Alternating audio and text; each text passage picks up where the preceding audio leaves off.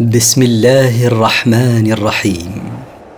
مركز تفسير للدراسات القرآنية يقدم المختصر في تفسير القرآن الكريم صوتيا برعاية أوقاف نوره الملاحي سورة الليل مكية من مقاصد السورة بيان أحوال الخلق في الإيمان والإنفاق وحال كل فريق التفسير والليل اذا يغشى أقسم الله بالليل إذا يغطي ما بين السماء والأرض بظلمته والنهار اذا تجلى وأقسم بالنهار إذا تكشف وظهر وما خلق الذكر والانثى وأقسم بخلقه النوعين الذكر والأنثى ان سعيكم لشتى إن عملكم أيها الناس لمختلف فمنه الحسنات التي هي سبب دخول الجنة والسيئات التي هي سبب دخول النار فاما من اعطى واتقى فأما من أعطى ما يلزمه بذله من زكاة ونفقة وكفارة واتقى ما نهى الله عنه وصدق بالحسنى وصدق بما وعده الله به من الخلف فسنيسره لليسرى فسنسهل عليه العمل الصالح والإنفاق في سبيل الله واما من بخل واستغنى وأما من بخل بماله فلم يبذله فيما يجب عليه بذله فيه واستغنى بماله عن الله فلم يسأل الله من فضله شيئا وكذب بالحسنى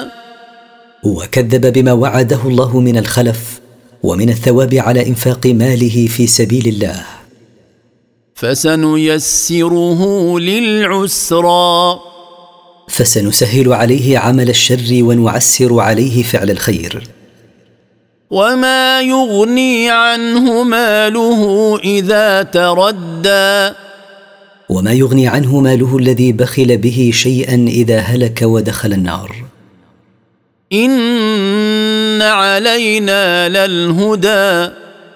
إن علينا أن نبين طريق الحق من الباطل وان لنا للاخره والاولى وان لنا للحياه الاخره ولنا الحياه الدنيا نتصرف فيهما بما نشاء وليس ذلك لاحد غيرنا فانذرتكم نارا تلظى فحذرتكم ايها الناس من نار تتوقد ان انتم عصيتم الله لا يصلاها الا الاشقى لا يقاسي حر هذه النار الا الاشقى وهو الكافر الذي كذب وتولى الذي كذب بما جاء به الرسول صلى الله عليه وسلم واعرض عن امتثال امر الله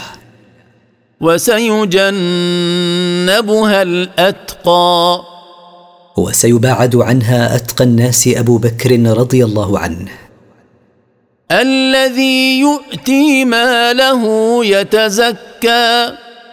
الذي ينفق ماله في وجوه البر ليتطهر من الذنوب وما لاحد عنده من